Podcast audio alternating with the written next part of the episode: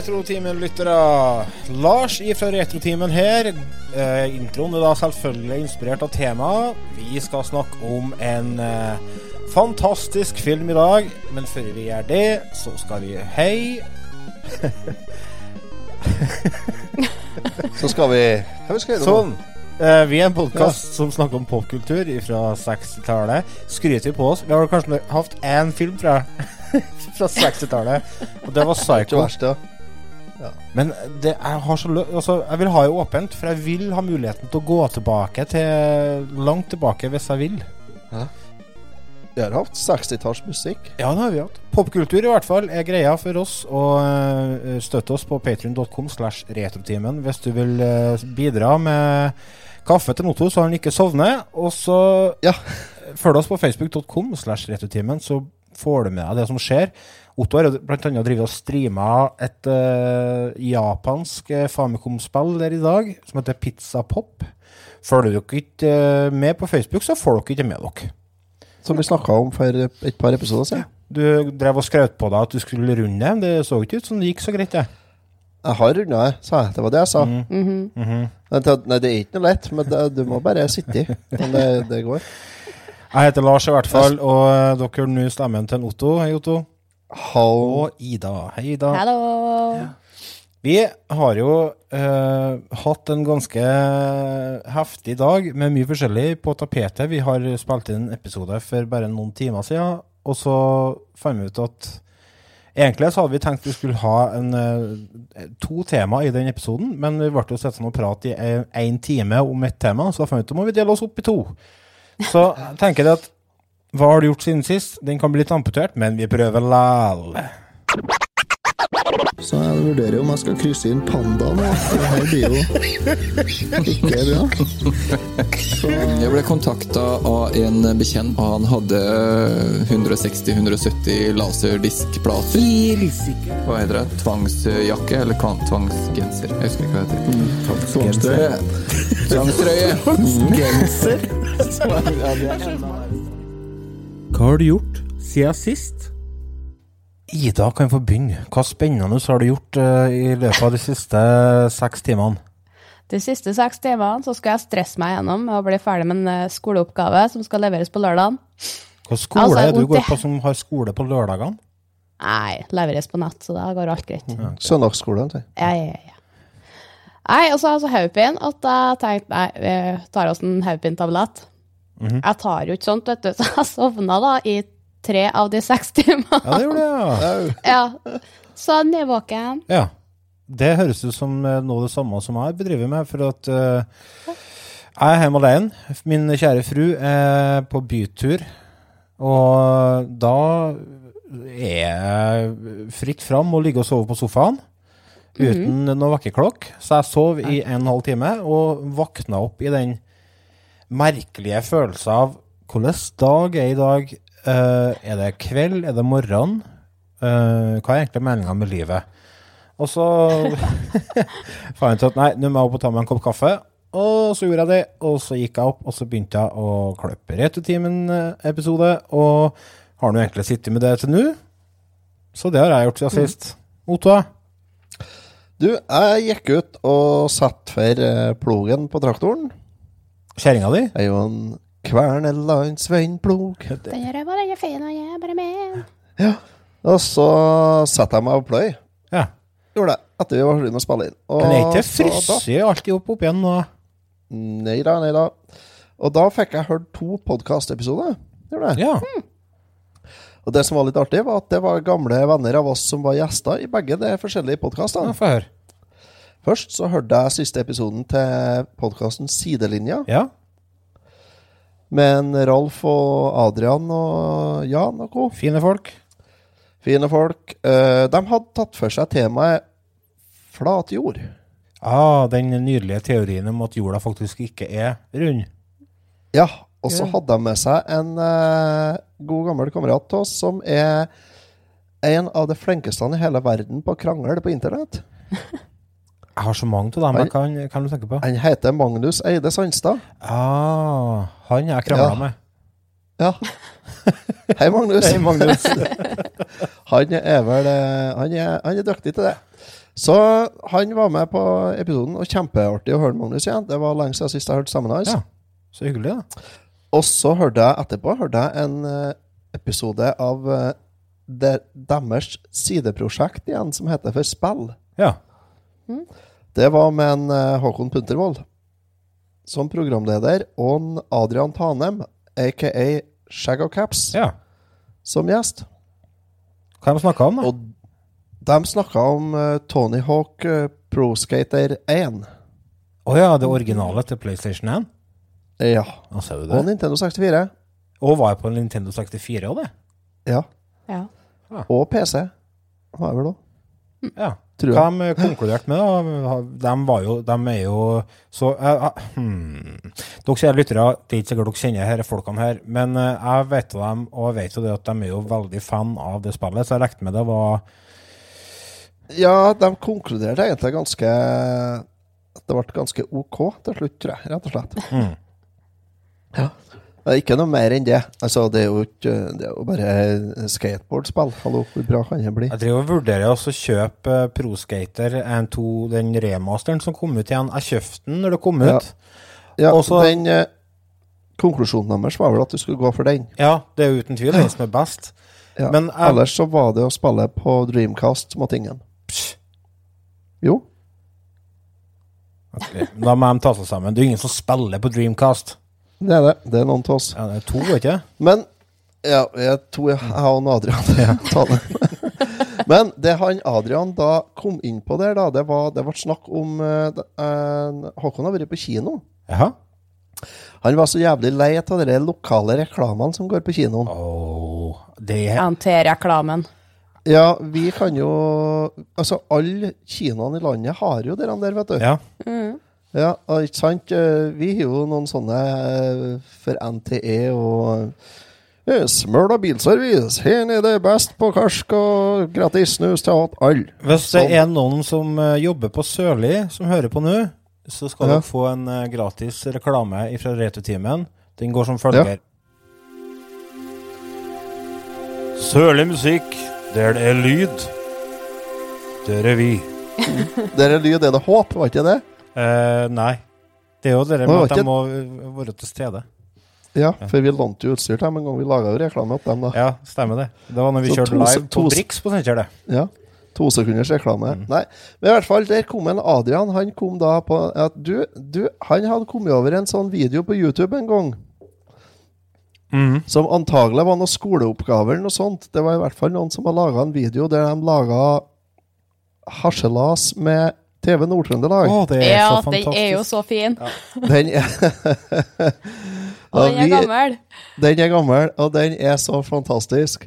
Et ikke hunden henne, så er det ikke Så er det hunden det er noe galt med. Ja, det- Ikke fôret. Reklame for hundemat, ja. Ja, altså Leir asylmottak, størst på sykkel. Ja, den videoen er legendarisk. For dere trøndere, sjekk den ut på YouTube. Ja, og for dere ikke-trøndere, sjekk den ut på YouTube. Vi kan uh, prøve å huske på å legge ut en link, men den er i hvert fall Den er hysterisk, og den driver så nær med For at vi har jo TV Nord-Trøndelag. Ja, ja. ja. Eller vi har ikke, vi har TMM, da. TMM, ja. Ja. Men det verste er ja, at jeg tror, sånn. jeg tror kanskje det at den parodien, det er sånn som resten av Norge ser på oss trøndere. ja. Så hvis du er søring, altså hvis du kommer sørant Oslo, eh, sørant fra Oslo eller et eller annet sånt, og ser den videoen, så tenker du henne er jo ikke noe artig, her er jo bare lokal-TV fra Trøndelag. Det er akkurat sånn, ja. Og det, altså, vi lar oss være ærlige, det er ikke så langt ifra sannheten heller. Nei, nei, nei, det er jo ikke det. Det er temmelig nært. Men eh, jeg begynte i hvert fall å flire, og da greide jo ikke jeg å lette være å, lete i den, så den spilte jeg over popanlegget i traktoren mens jeg stod og kjørte og pløyde. Jeg kosa meg. Ja, men det er bra. Ja, den er så fin, den der, altså.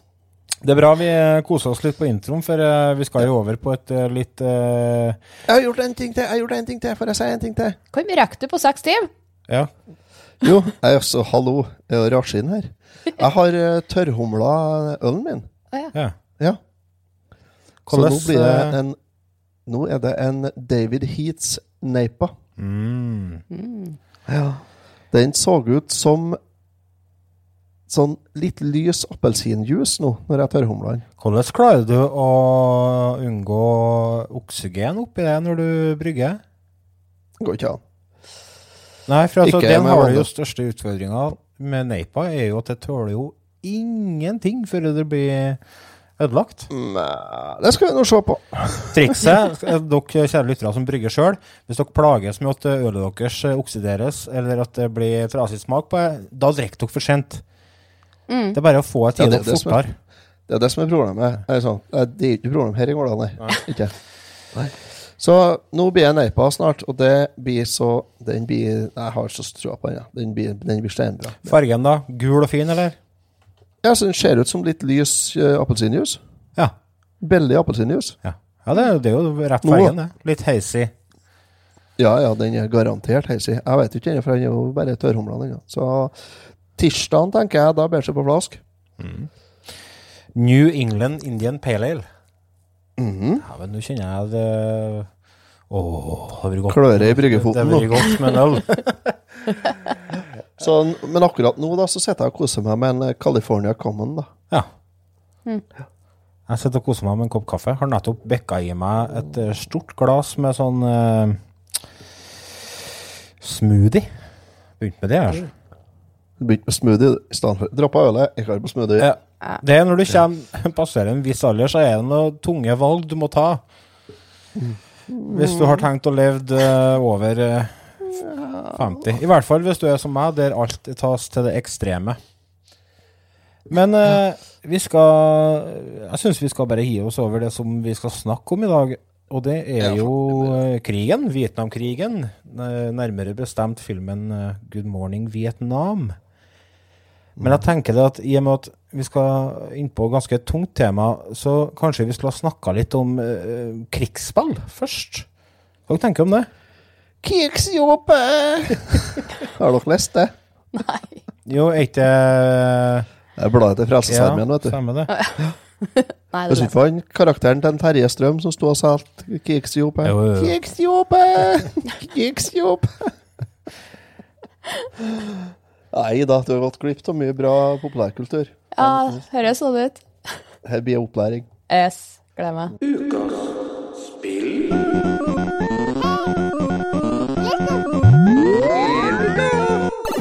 Der, ja. krigsball, krigsball, krigsball. Eh, oppveksten min har vært prega av mye krig på forskjellige konsoller. Eh, Og det tror jeg kanskje det har vært til deg òg, Otto. Deg, Ida, er jeg litt usikker på. Ja, så det er jo bare at jeg ignorerte dem. Å ja, du syns ikke det var noe særlig? Nei, jeg er mer på sånn fantasy, litt mer oppe i skyene enn krigsspill. Ja, ja. Det er jo lite som er så fantasy som krigsspill, da. Egentlig. Jo, jo. Nei, jeg må ha sånn pil og bue og sverd, da. Jeg orker ikke det. Pil og bue og sverd, Ja. Robin Hood og Ja. sånn. Men in tights. Oh, yes. Hvordan eh, Er det noe spill du Otto, husker veldig godt fra din eh, ungdom eh, i forhold til gode krigsspill på gamle maskiner? Som du vil anbefale Ja. lytterne våre? Det Ja, det vet jeg ikke, fordi om jeg husker dem. Nei. Det er Men jo, jeg, var- jeg starta jo min karriere med en Commodore 64. Yay! Hvis jeg sier Commodore 64, så er det jo Burde være ganske enkelt å tenke seg til hvilket spill jeg tenker på. Ja, eh, det fins veldig mange gode krigsspill til Commodore 64. Første jeg tenker på når det er krigsspill på Commodore 64, er faktisk 1942. Det flyspillet. Oh, Ja, det spilte jeg utrolig mye på Commodore 64. Og vi Ja. spilte jo så mye at vi visste jo hvor flyene kom hen hele tida. Ja. Og det, og det har jeg spilt eh, Jeg prøvde litt på NES, men det, den porten syns jeg ikke noe om. Den, den likte jeg ikke noe særlig. Og eh, Arkadeversjonen av spillet er jeg heller ikke noe sånn fortjust i, for det er en sånn lydeffekt som går hele tida i spillet, som høres ut som en sånn alarm. Jeg skjønner ikke hva det er for noe. Mm, det er nok en alarm. Ja. Men hvis jeg setter på en lyd her nå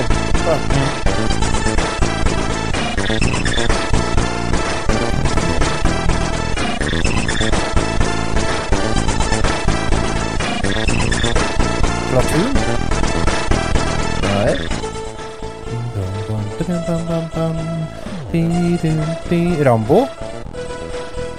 Nei. Åh! Ta deg sammen. Eh, Spillet heter Kommando. ja, ja, det er jo faen det samme som Rambo, det, da. Det er jo akkurat samme spillet. det er, altså det, det, det er samme spillet. Men kommando, jeg si, jeg har spilt Kommando mer enn jeg har spilt Rambo. Det skal være eh, Mm. sagt, fordi at jeg hadde ikke Rambo på Commodore 64. Det var en kompis som hadde, men jeg hadde Kommando. ja, ja, Eh, og jeg kasta mye håndgranater med Space, jeg, altså. ja. Den musikken er jævlig bra. ja, Rob Hubbard, vet du. Ja, stemmer det. Det er han som har laga Ja, musikken der, ja. ja. Så det var ett spill. Og så har jeg Jeg har enda mer musikk her, jeg, sjø. Har jeg. Jeg får høre. Ja.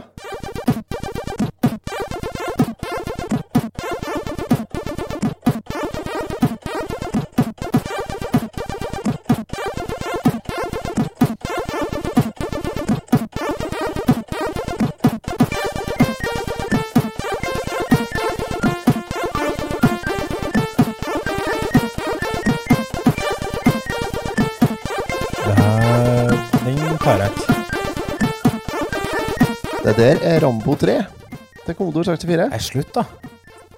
Nei. Du, får meg til å, du setter meg i et veldig dårlig lys her. Ja, eh, det er jo bare artig. Ja. Rambo 3, det er, den, eh, det er top, top uh, down uh, Du får går oppover, og du, kan, du kommer inn i sånne eh, eh, camps og styrer på. Mm. Ja. Mm.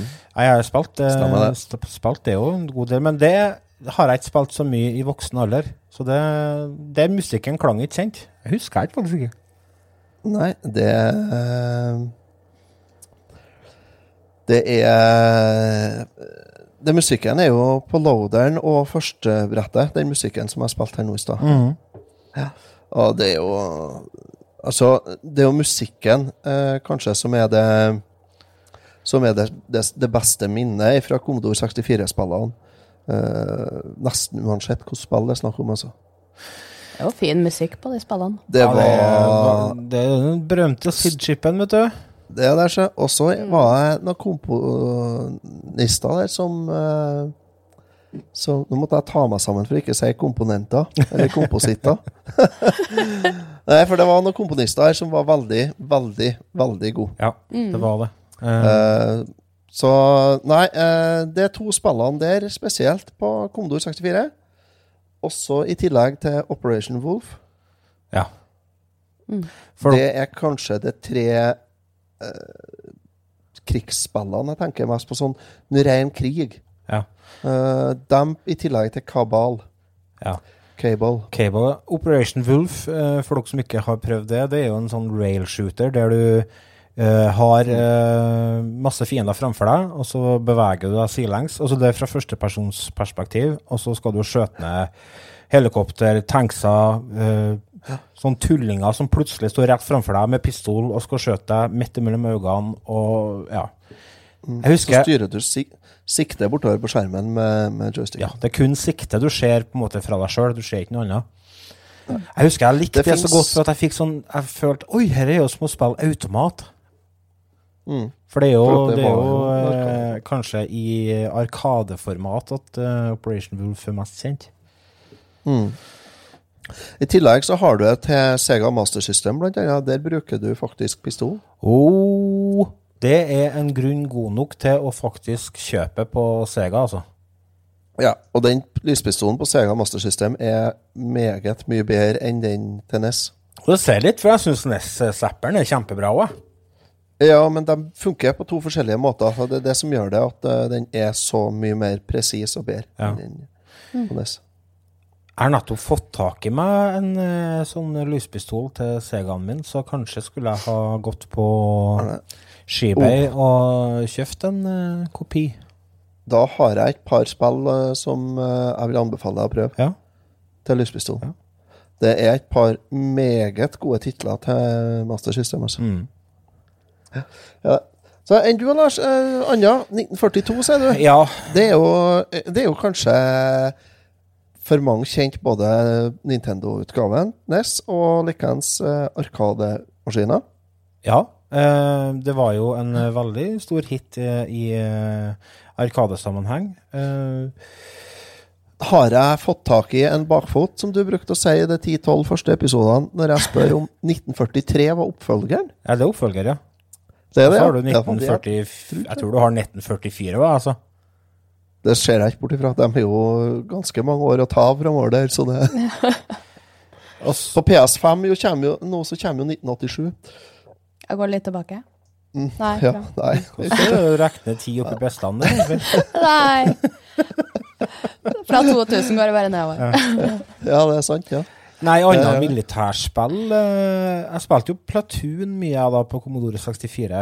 Eh, Mm. et, et av de bedre spillene på, på Commodore, syns jeg. God variasjon i, i brettene, og der òg er det musikk som er helt fantastisk. Som jeg kan legge inn et lite klipp fra her.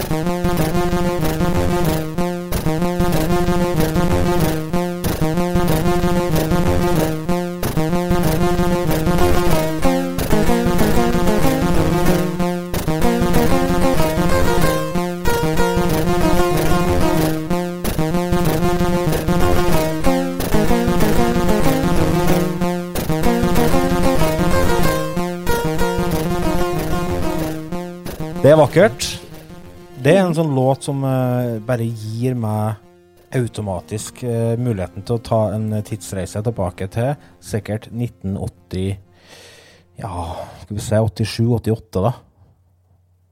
Eh, det er en reise i tid for meg å høre den musikken. Jeg elsker spillet. Og i tillegg så har jeg spilt en del Rambo og Kommando. Eh, har I nyere tid så har jeg oppdaga Probotector. Det Ja. er jo eh, i utgangspunktet et eh, vanlig, eh, litt mer sånn militærspill med mennesker. Men, mm. Og det heter jo Kontra, egentlig. Men det, vi kunne jo ikke ha noe av det uh, her til lands. Og drive og skjøte. Tyskerne, vet du. Ja, så, Tyskerne kunne ikke ha det. Nei, så da ble det, ble det roboter i stand. Men det er jo en fantastisk eh, Et nydelig spill, og ikke minst eh, oppfølgeren til Super Nintendo, Super Probotector. Et av de aller beste spillene på Super Nintendo, uten tvil, ifølge meg i hvert fall. Men vanskelig. Ja, det er ikke enkelt. Nei, det er jo det er i, i Probotector at uh, Konami-koden uh, virkelig gjør sin uh, nytte, da. Ja. Å få ekstra Ja, liv der får du 30 liv, vet du? Jo, jeg tror det. Ja. Men det er ikke nok, nei. Det hjelper ikke, altså. Nei, det- Nei, det er ikke nok, nei. Nei, det er ikke det. Eh, skal vi se annet spill, krigsspill, da. Uh, jeg spilte jo en del um, Apache. Å ja. Eller det vil si. Ja, det vil si, jeg, jeg, jeg prøvde, men jeg, jeg fikk jo aldri til, men jeg syntes det var tøft likevel. Apache, jeg mener det Apache det heter, det er jo sånn flysimulator, helikoptersimulator, Mhm. til Commodore 64. Eh, men det er jo så innflakt, vet du, at uh, en unge hadde aldri klart å skjønne det, men jeg var veldig sånn, jeg syntes det var tøft likevel, for at uh, jeg satt jo inne i et helikopter. Ja, og så, ja, hva du sa du shoplifter, ja? Ja. Vi kalle det et krigsspill, da? Ja, ja, jeg vet ikke. I, altså, i Ja, det er jo egentlig det. Ja. Command and Conquer, blir ikke det litt uh... Jo, det er jo selvfølgelig Jo. en klassiker på PC. Ja, det, Ja, musikken til det spillet er jo på Discover-lista mi hele tida på Spotify. Og henne? Ja, jeg får den annenhver uke, i hvert fall. Ja. I litt forskjellige versjoner og remixer. Ja. Aldri spilt. Nei. Det har ikke kommet ut i remastera utgave nå, tror jeg. Har ikke det. Jeg tror det. Syns ikke det lenge siden jeg hørte snakk om det, nei. Et annet spill som jeg har uh, faktisk spilt gjennom, er, det tror jeg kanskje er en av de første gamleste PC-spillene som jeg har runda, og det er Call of Duty 1. Mm. Det, det lasta jeg ned i midten på 2000-tallet og kjørte på PC-en min og kosa meg med det. Og det syns jeg Nå har ikke jeg spilt det på år og dag, men Call of Duty-serien er jo Man kan jo ikke snakke om krigsspill uten å ha nevnt den serien. De, de er jo like jevn, de som Fifa-spillene, omtrent. Det Husker kommer jo to i året, ja. Ja. Ja, jeg husker de satt eh, Når vi fikk skole-PC-er på videregående, så lasta de ned det og satt i friminuttene og timene og spilte. Ja, ja, ja. ja. Desert Strike til Super Nintendo har jeg gått litt i. ja. Strikeforce Harrier på Commodore 64. Eh, det kommer du ikke helt med. Det var Du flyr med en sånn Harrier-jet. Ja. Og det er sånn flykrigsspill, da. Ja. Krigsspill, ja. Litt sånn Top Gun-opplegg. Ok.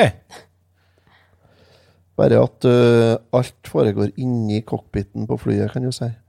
I hvert fall det jeg har sett å spille. Det vi så å spille, var ikke all verden, altså. Så, men øh, ikke for det. Det var helt OK sånn flykrasjspill. For det var jo det vi fikk til. Ja. Mest flykrasj. Men jeg, jeg er veldig gira på eh, Hvis dere kjære lyttere har noen gode tips på krigsspill, så vil jeg gjerne høre. Fordi at eh, jeg er bestandig på utkikk etter gode spill å teste ut. Kan du si at James Bond, øh, det spillene er krigsspill? GoldenEye, for eksempel. Jeg vet ikke. Nei, det er litt vanskelig. Det er jo ikke noen åpen Det er jo ikke noen såles åpen militær konflikt, kan du si, men du tar jo livet til ganske mange uh, russerjævla i løpet av en runde. Jeg savner å ha Russland som en fiende i TV-spill. Ja, og Sovjetunionen. Jeg Ja. savner Sov Sovjetunionen. Absolutt. Absolutt. Kan ikke en Putin hive seg rundt og så få ordna det? Er, er det han, frans, han franske broren du tenker på? Potet? Fransk-russiske Putin. Ja.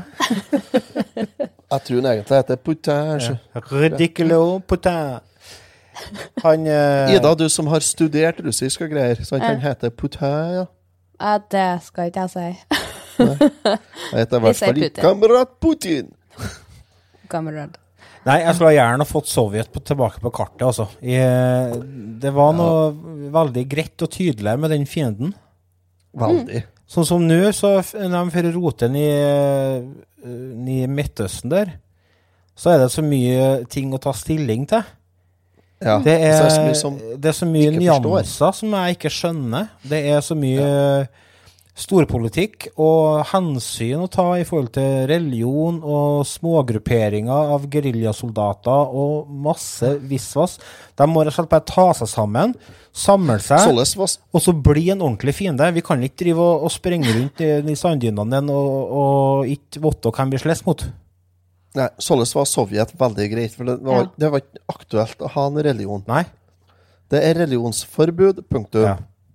Men jeg lurer på, hvor lang tid tar det? Vi vi kan jo begynne å tenke på at kanskje USA kan steppe inn og være litt eh, fiende. Ja, kanskje det?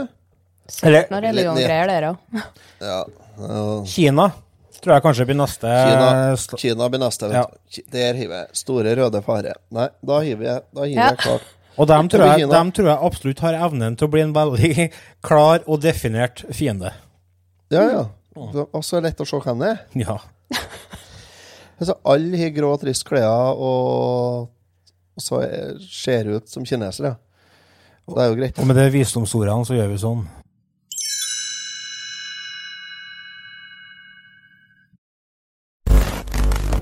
These count to 11. But they'll never take our freedom! Ezekiel 25.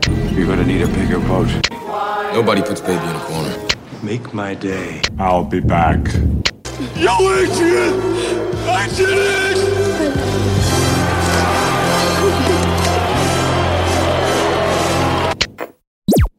Vi eh, skal ta tak i Good Morning Vietnam, en amerikansk eh, komedie slash drama slash eh, krigskritikkfilm fra 1987. Det er Ja. en film der handlinga er lagt til 1965 uh, i Saigon under Vietnamkrigen. Robin Williams uh, spiller hovedrollen som en radio-DJ som uh, blir sendt inn til en amerikansk militær radiostasjon. Og skal jobbe på den stasjonen, og, og filmen er løst basert på opplevelser til radioverten Adrian Cronauer, som er rollen som Robin Williams spiller i filmen. Den eh, er regissert av en eh, Barry Levinson, som bl.a. har laga Rainman. Har du sett den? Nei. Ja. Mm. Har du ikke sett Rainman? Nei. Oi. You're in for a treat. Ja. Yes, I Det er det de sier på bokmål. Det er en stor film, og det er dette her òg. Med sine usle 13 millioner dollar som budsjett, så har de klart å skapt uh, et uh, lite, aldri så lite mesterverk uh, i mine øyne og ører. Ja. Vi kan, jo, Helt enig. vi kan jo gå gjennom karakterene i filmen. Vi har en Robin Williams som spiller hovedrollen. Han som på en måte dreg eh, hele lasset, egentlig. Adrian Cronauer. Og så har du en Forrest Whittaker i rollen som Eddie Garlick. Han er så ung i filmen her! Ja, han gjør det. Den filmen har gitt i 87, og han ser ut som han er 17 år. Ja. Nå ser han jo faen meg ut som han er 70 år. Jo, men han er jo sikkert snart 70, da. Ja, ja. ja. Jo, jo. Den, eh, han var jo med i Platoon nå, som har kommet ut året før. Ja. Så han har noen gode år der, altså.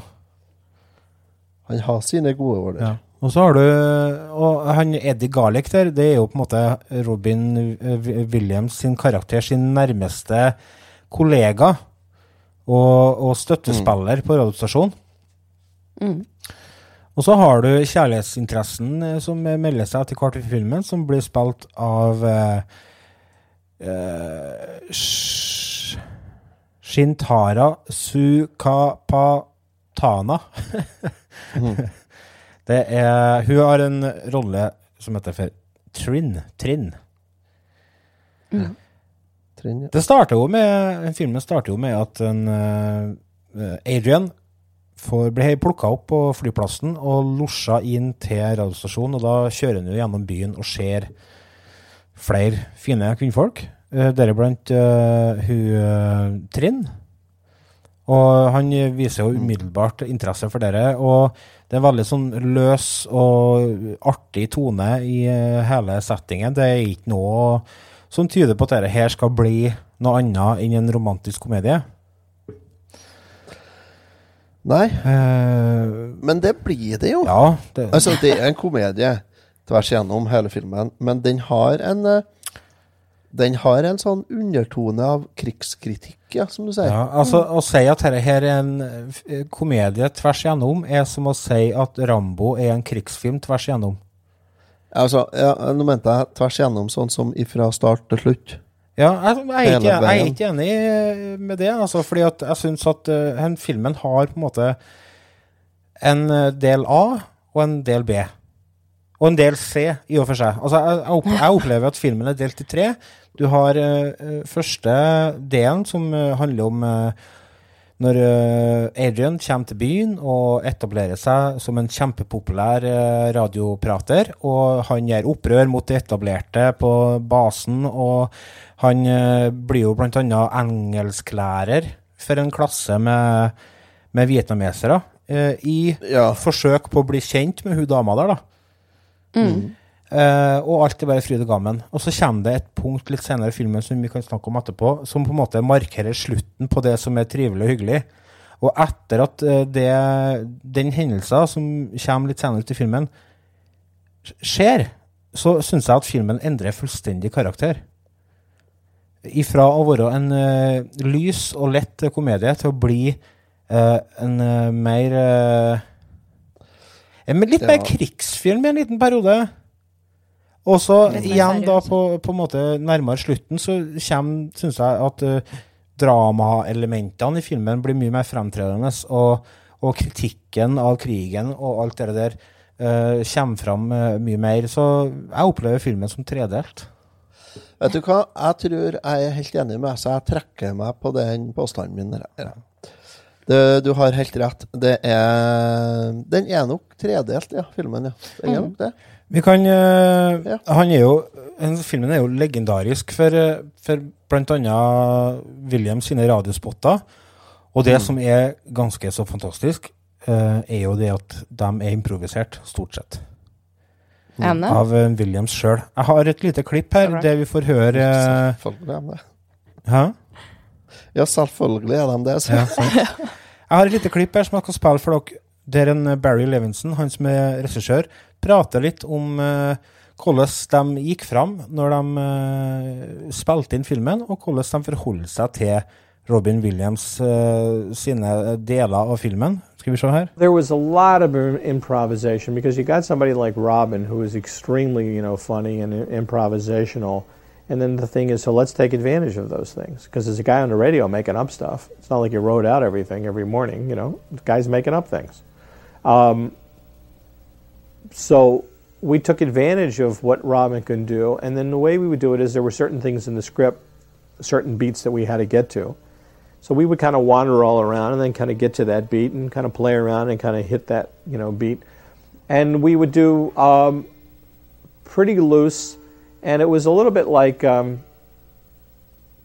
Robin do a take and after a take and say, you know, this is kind of this is good and this thing over here, so why don't we really play around with that a little bit more? This I don't think we're getting anywhere with it. And then we go, he would do another take and kind of play off of that and kind of change it or refine it in some way.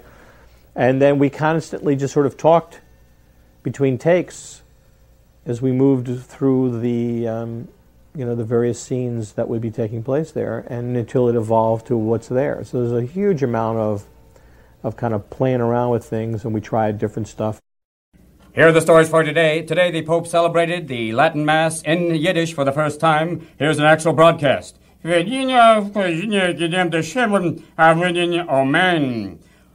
Also, in a related story, the Pope released his own line of Vatican bath products, including the new product, soap on a rope. No, wait, hold on. Pope released a new line of Vatican bath products. The incredible new product is Pope on a rope. When asked why, he said, Why not? It seemed to be the cleanliness of the Spirit. Thank you very much. Also, Liberace found to be Anastasia. When asked why, he said, I just hope the shoe fits. Thank you, Liberace. Also, Lyndon Johnson declared his two daughters an endangered species today. They'll be sacked, wearing beepers, and put in the wilderness. Thank you, Lyndon. Ethel Merman today used as a test to jam Russian radar. Here's a brief test of that. Also, in related story to Liberace's story, an unmanned probe of Uranus. Satt på beepers og satt ut i, i, vill, i, i friheten. Eh, hvis dere kjære lyttere vil sjekke ut dette, så bare søk på Good Morning Vietnam behind the scenes. Det er en eh, jeg tror det er ni-ti minutter med bare Williams improvisering. Rent gull. Mye av det. Og det er mye av det som ender opp i, eh, i filmen òg, men det er jo en god del av det som ikke er med i filmen.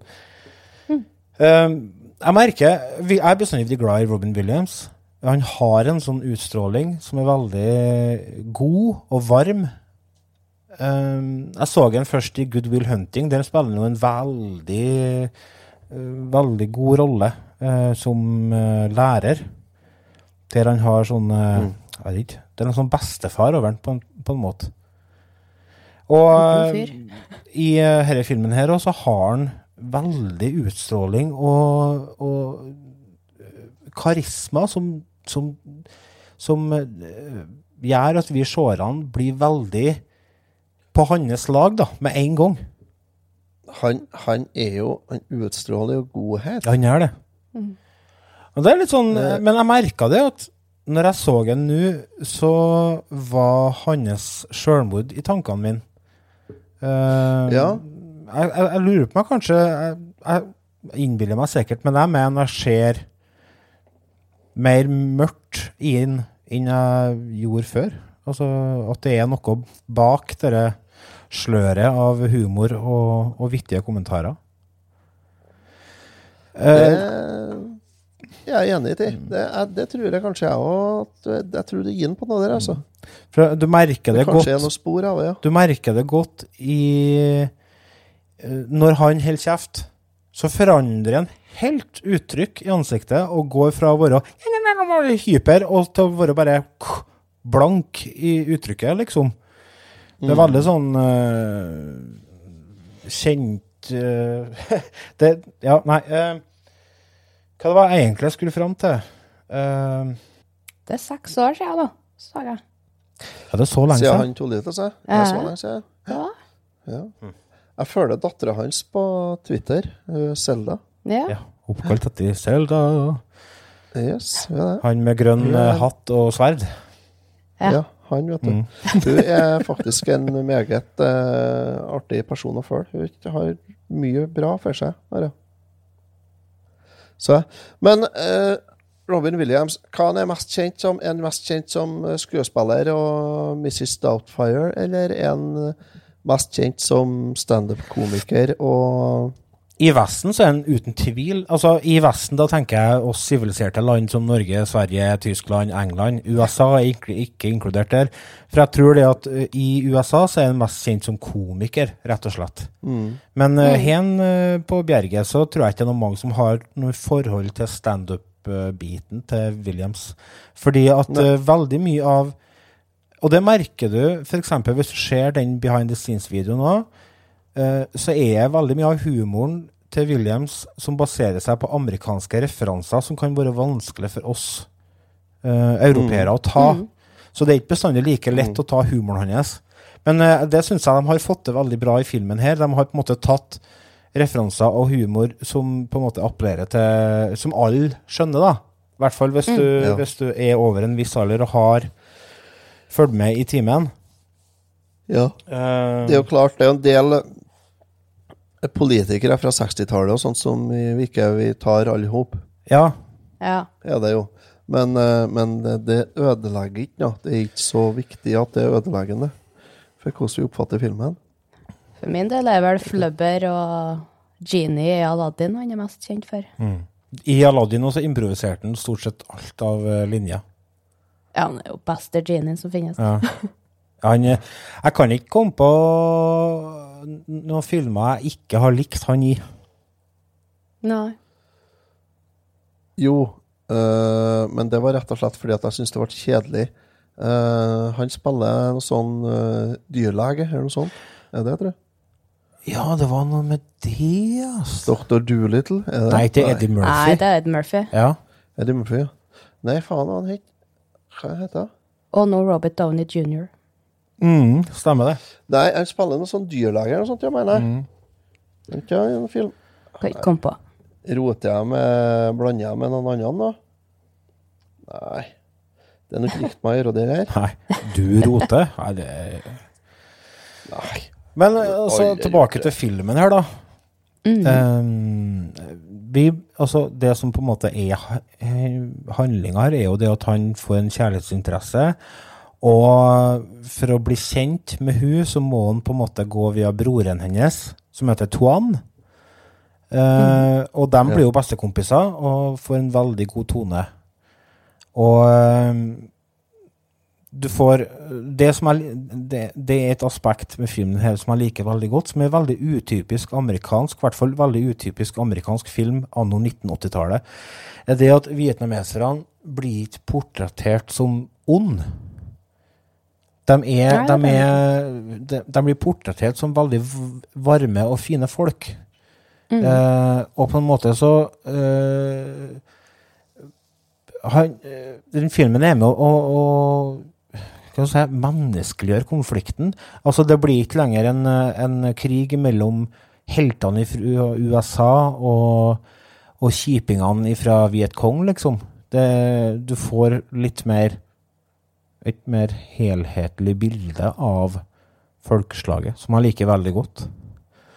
Og det tror jeg nok er veldig bevisst, for at eh, det er jo som vi snakka om eh, så vidt her, at det er jo Etter hvert så blir det jo en, en kritikk av eh, av USA sin sin håndtering av denne konflikten. Og i utgangspunktet så er det jo en, en kritikk av det rigide militære uh, systemet. Det at, uh, det at en Williams ikke får lov til å spille noe annet enn polka i, på radioen, eksempel. Altså, det, det blir jo opprør inn på stasjonen og han, han flesker jo til og kjører i gang med masse god rock'n'roll fra 50- og 60-tallet. Uh, og Ja. folk får jo helt hetta. Altså, det er jo Det er jo Snakka vi for så vidt om før vi spilte inn her, og det er jo soundtracket på den filmen her er jo helt nydelig. Mm. Det, Det er mye godbiter der. Ja, det er det. Du har eh, Backa med godlåter. du har The Searchers, James Brown, Beach Boys, Louis Armstrong. Det er masse, masse godbiter. Og eh, det ble også sagt før vi gikk i gang her, at Vietnamkrigen er uten tvil den krigen som har det beste soundtracket. Ja. Helt sikkert. Det er Altså, hvis jeg ser et uh, helikopter ifra uh, i- fra Vietnamkrigen som for å fly, så hører jeg automatisk Creedence, jeg. Ja. Run Through the Jungle, eller et eller annet Fortunate Son, eller et eller annet sånt. Ja, eller Jimmy er- Hendrix, eller Altså, det er jo den perioden fra 1965 og til 1973, eller når den konflikten på en måte eh, deeskalert, er jo gullalderen for nyskapende og god rock'n'roll. Det var jo virkelig meg da at eh, de på en måte hadde gått ifra den standardiserte formen som var rock'n'roll fra 50-tallet og så opp til Revolver med Beatles, til de begynte å virkelig eh, utforske eh, eh, låtstrukturer, sound, instrumentering. Uh, tekstene gikk fra å være uh, tenåringskjærlighet og murder ballads til å bli tekster som kritiserte samfunn, tankesett. Det var gullalderen. Og det, og det, Ja, og det er konsentrert i musikken her. Og du, Otto sa jo at musikken her er jo en egen karakter i filmen. Kan du ikke ta oss og fortelle oss hva, hva, du, hva du tenker med det utsagnet? Ja, altså, musikken er jo den som Kan du si, den, den tonesetter jo og, og peker på det hendelsene som foregår i filmen. Eh, Vi hører for eksempel vi hører, vi hører Beach Boys, og så får vi bilder fra folk som uh, sitter på patruljebåtene på elva og pusser maskingevær, og folk som lemper sandsekker og bygger barrikader, og, og som gjør det dagligdagse livet i leiren, kan du si. Og mens de hører radio og hører musikken og danser og, og, og, og lik- liksom får en positiv opplevelse. Og så kommer du til han nitriste eh, løkjøden som, som skal spille Ja. polka, Ja, fordi at det ender jo opp med at og tar ifra dem alt av ja, det ender jo opp med at Adrian får, Ja, får eh, beskjed om å eh, gå bort fra mikrofonen, fordi at han blir rett og slett for opprørsk. Han, eh, han eh, For det som skjer i filmen her, og det er det ven- første vendepunktet som jeg snakka om, er jo det at de er på Mm. en bar eh, som blir bomba. Det går av en bombe i en bar som Mm. de er i.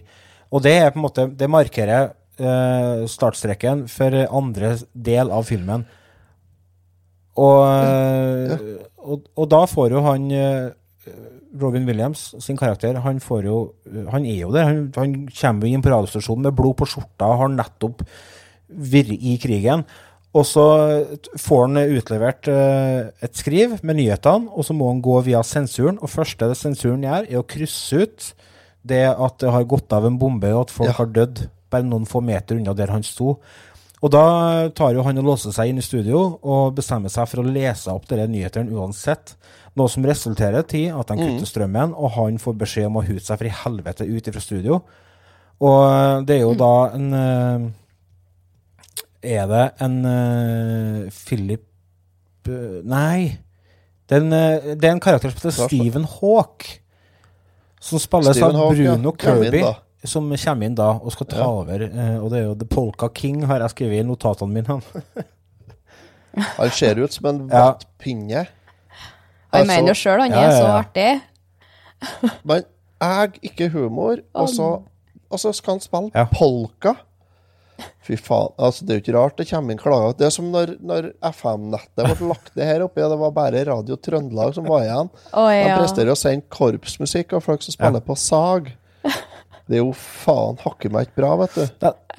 Folk kan jo bli tullete og mindre.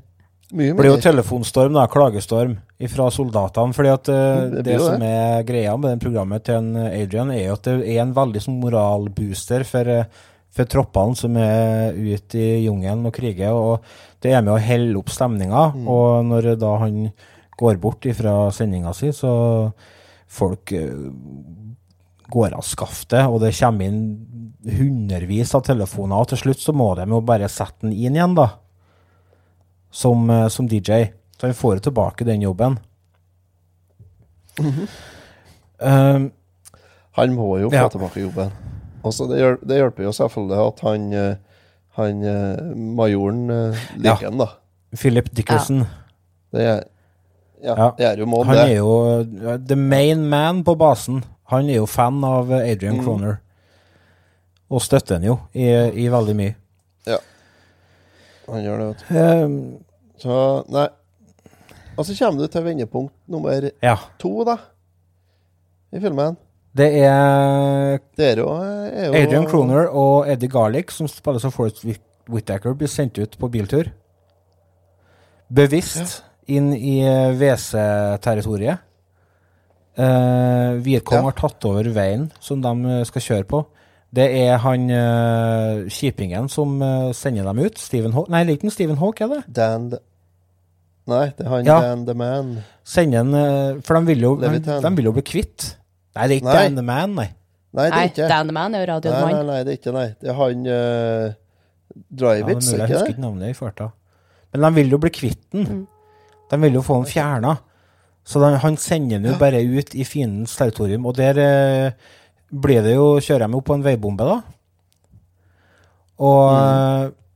uh, bilen eh, snurrer rundt, og de fer bare og trasker rundt i uh, jungelen, i sirkel, fordi at er Eddie Garlic de går jo halte. Så de går jo bare rundt Tror de har Mhm. gått to mil, mot i sirkel. kommer tilbake til bilen. Men eh, kompisen til eh, Adrian, han eh, Tuan, broren til kjærlighetsinteressen hans, får jo nyss i at uh, de er i fiendens territorium og hiver seg inn i en stjålet bil og suser ut og får redda dem, da. Eh, og da er det liksom sånn eh, Begynner han å stusse litt. Hvorfor eh, Hvordan klarte han å komme seg uskada ut og inn fra det området der, tror du? For det viser jo seg etter hvert, da, eh, at han er fienden. Spoiler. Tuan er er Vietcong-soldat. Vietcong. Eh, Mhm. Og det er, det er på en måte vendepunkt nummer tre, eh, sånn som jeg oppfatter det. Og da En Adrian Croner, han får høre om denne ifra Ifra han eh, Sorry, nå glemmer jeg til navnet. Han får høre om det ifra sjefen sin, om at uh, han Ja. har menga seg med fienden. Og får beskjed om at du har ikke mer her å gjøre, du skal ut. Du kan pakke snittveska di og gjøre deg klar til heimreise i morgen klokka halv, halv fire. og mm. en Robin Williams blir jo selvfølgelig fra seg og, og blir forbanna og, og lei seg og finner ut at nå skal jeg konfrontere han. Dette her eh, finner jeg ikke meg i. Altså, han har jo eh, Det var jo derfor han kom seg unna den bomben i den kafeen. Det var jo fordi at en Tuan kom og henta han. Eh, Og da men, eh, Adrian han føler jo på skyld i forhold til de døde soldatene. Og eh, jakter ned en toan Og de En toan han ser jo Adrian kommer og legger på sprang innom landsbyen der og får fer å springe i bakhager og styre på. Og da får vi en mm. veldig sterk scene der det blir en konfrontasjon som jeg har uh, henta et lydklipp ifra. No wonder you hauled ass. You my friend. I trusted you. You hear me? You know man, Chrono. You take a stupid side. Now you have to go. It's better off. That's not the fucking point! You understand me? I fought to get you into that bar, and then you blow the fucking place up! Listen, I gave you my friendship and my trust, and now they tell me that my best friend is the goddamn enemy! Enemy? What is enemy? You killing my own people so many miles from your home. We're not the enemy. You the enemy. You used me to kill two people. Two people died in that fucking bar. Big fucking deal. My mother is dead. And my other brother, who be 29 years old, he dead. Shot by Americans. My neighbor, dead. His wife, dead. Why? Because we're not human to them. We're only little enemies. Her er jo det eh, jeg snakka om litt tidligere, om at uh, her får vi bli en menneskeliggjøring av fienden. Eh, det er ikke bare eh, ansiktsløse hvitkongssoldater. Det er fedre, det er mødre, det er unger, naboer, Naboer. Som, som dør fordi at eh, Ja. amerikanerne uh, kommer inn som en del av uh, storpolit et storpolitisk spill, som Vietnamkrigen egentlig var og, og ta livet av dem. I sine egne heimer, i sine egne nabolag. Eh, drep og voldtar og, og tennetid og oppfører seg generelt dårlig, altså.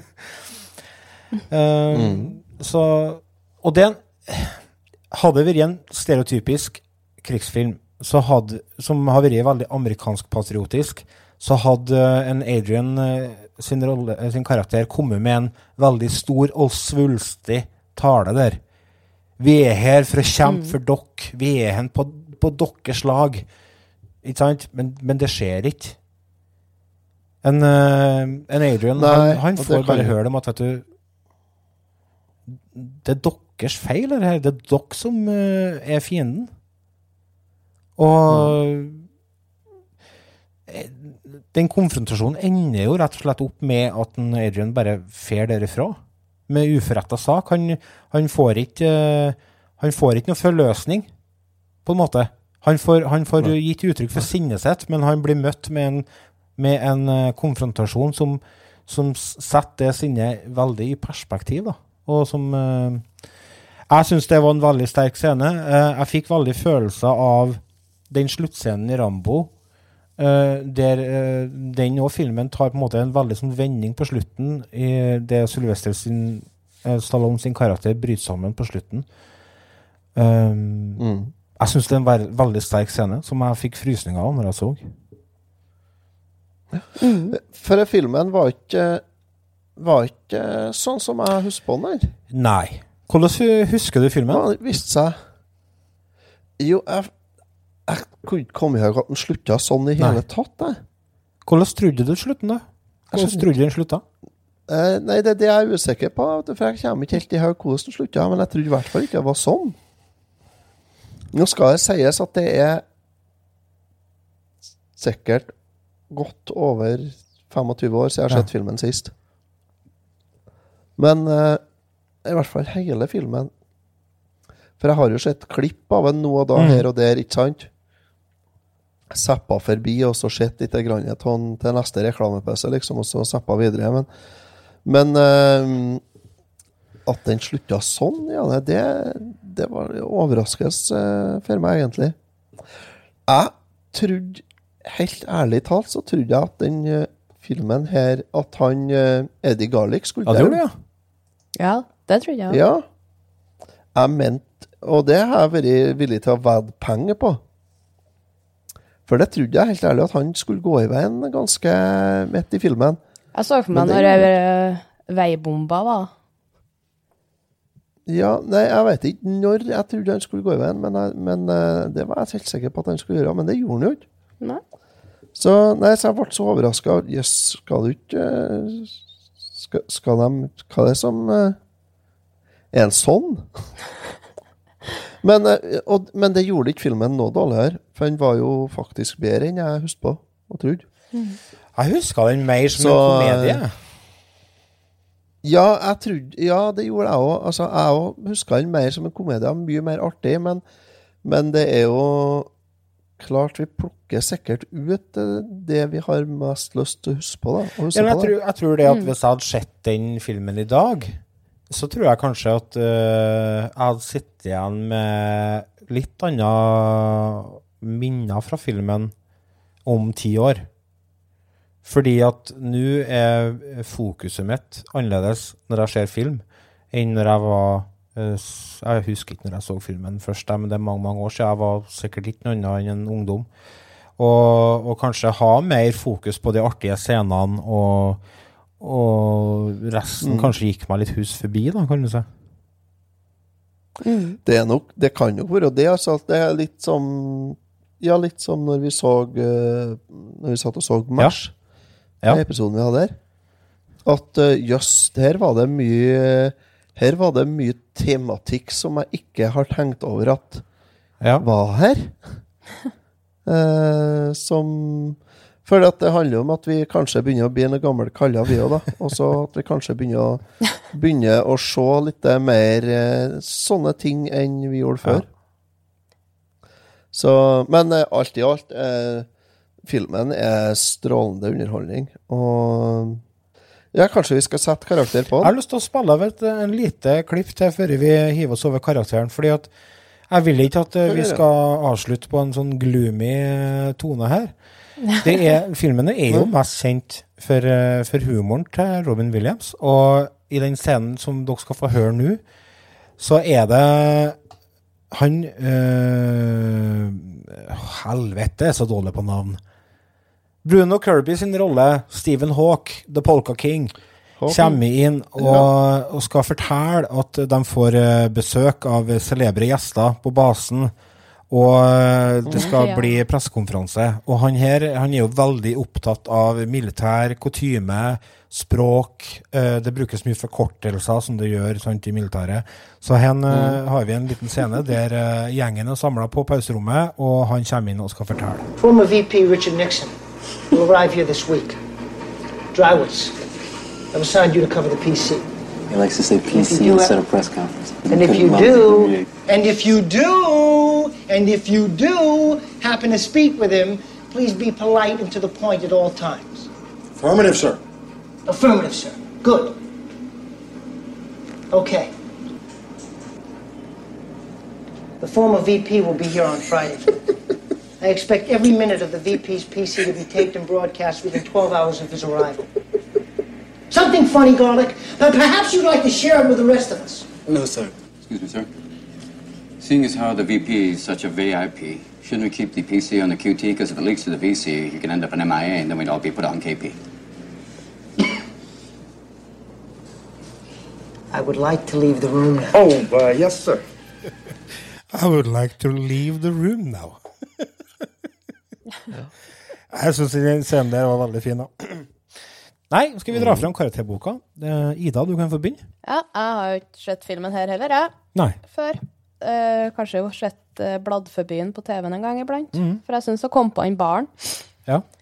Mm. Og verdens mest homofile bare her. Ah, fin fyr. Ja, han er herlig.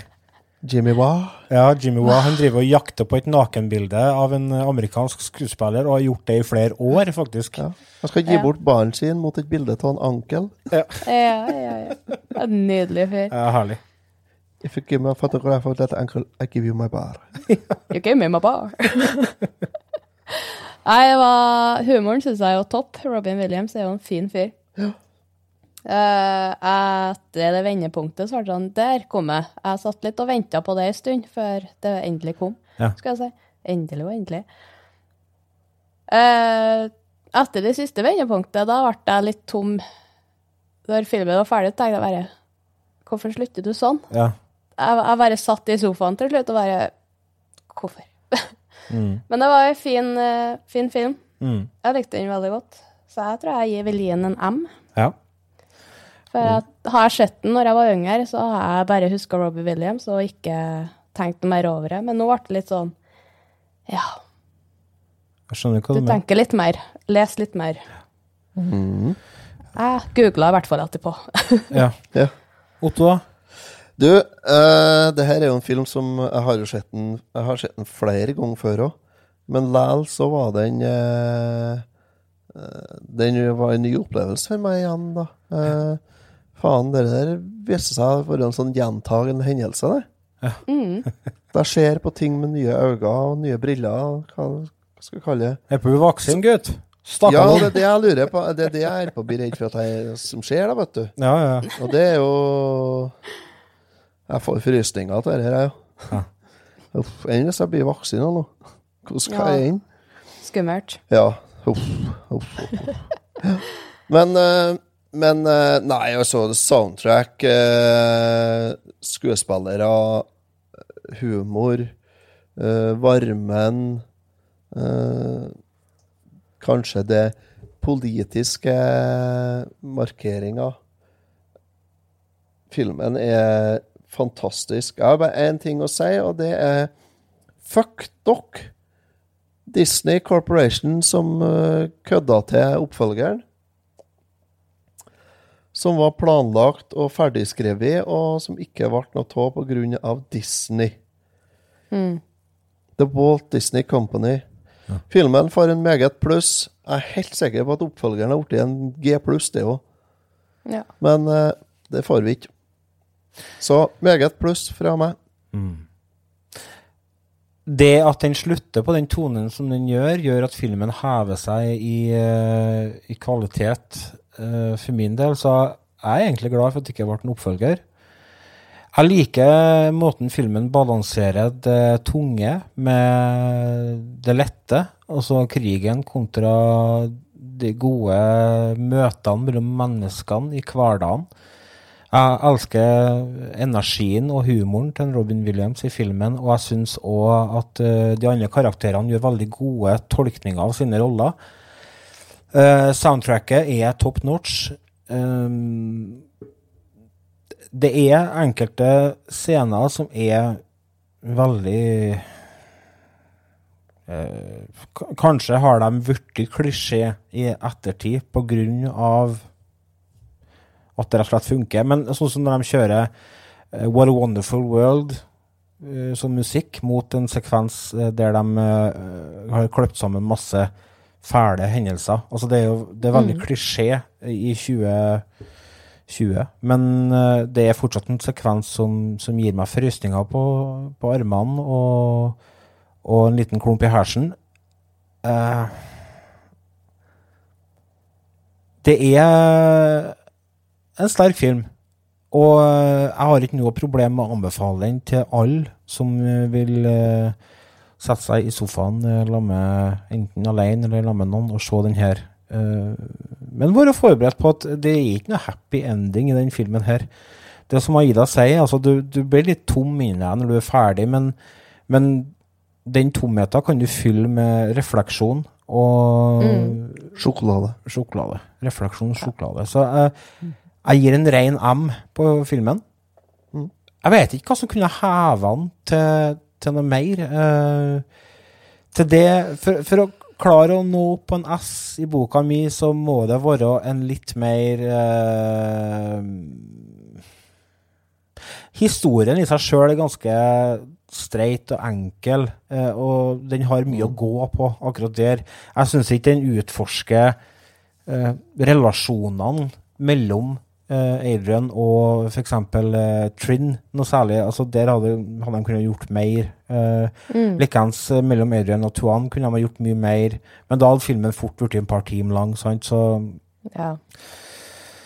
Nei, det, det er en rein M, og jeg anbefaler den. Så sjekk den ut, folkens. Den ligger kanskje den ligger på noen streamingservice. Hvis ikke så er den kost... Viaplay til 39 kroner, så Ja, ikke sant? Kjøp den på Viaplay, eller lei den på Viaplay sikkert til 39 kroner. Ja, det er det. Ja. Forresten så er filmen to timer og ett minutt lang. da, Ja, da den fort blitt tre timer Som skulle skulle hatt inn alt det der. Mm. Og det, men jeg liker det at den er så enkel også. Så det er litt sånn, det er en sånn balansegang. Hva er det jeg vil ha ut av filmen? Men jeg, bare, jeg ser bare på en måte et potensial som ikke blir brukt, utnytta til det Mm. fulle. Mm. Uh, men det er som sagt en balansegang. Fordi at eh, det skal Jeg tror ikke det er meninga at det skal være en kjempetung film. For da hadde ikke humorelementene eh, fått så stor plass. Nei. Stryk den M-en. Jeg gir den en M pluss, jeg. En pluss. Ja, Så- så, ja. Tar til vettet en dag, så. så. Ja, det bare tar litt tid. Uh, tusen takk, kjære lyttere, for at du har fulgt oss. Uh, Nå skal dere få slippe å høre uh, den klamme røsta mi på, på noen, noen dogger til neste gang. Mm. Men eh, vi Nå skal jeg ta over showet. Nå er det Otto som skal kjøre en totimers dialog, i, en monolog fra fjøset, Monolog, der han skal fortelle Monolog hvordan kraftfôr han bruker på vinterstid. Ja. Jepp. Linnea Extra. Helt uten soya, faktisk. Oi. De, har, de er, laktose, er de laktoseintolerant? Nei, men jeg bruker kraftfôr uten importert soya. Uten soya. Så det. Nei da. Yes. Tusen takk, kjære lyttere. Tusen takk til deg, Otto og Ida, for en uh, veldig hyggelig time med prat om uh, en uh, kjempebra film. Så Ja, takk til Lars, da. gleder meg til neste episode. Ja. Det gjør vi òg. Vi hørs, kjære lyttere. Vi hørs. Ha det. Hei nå.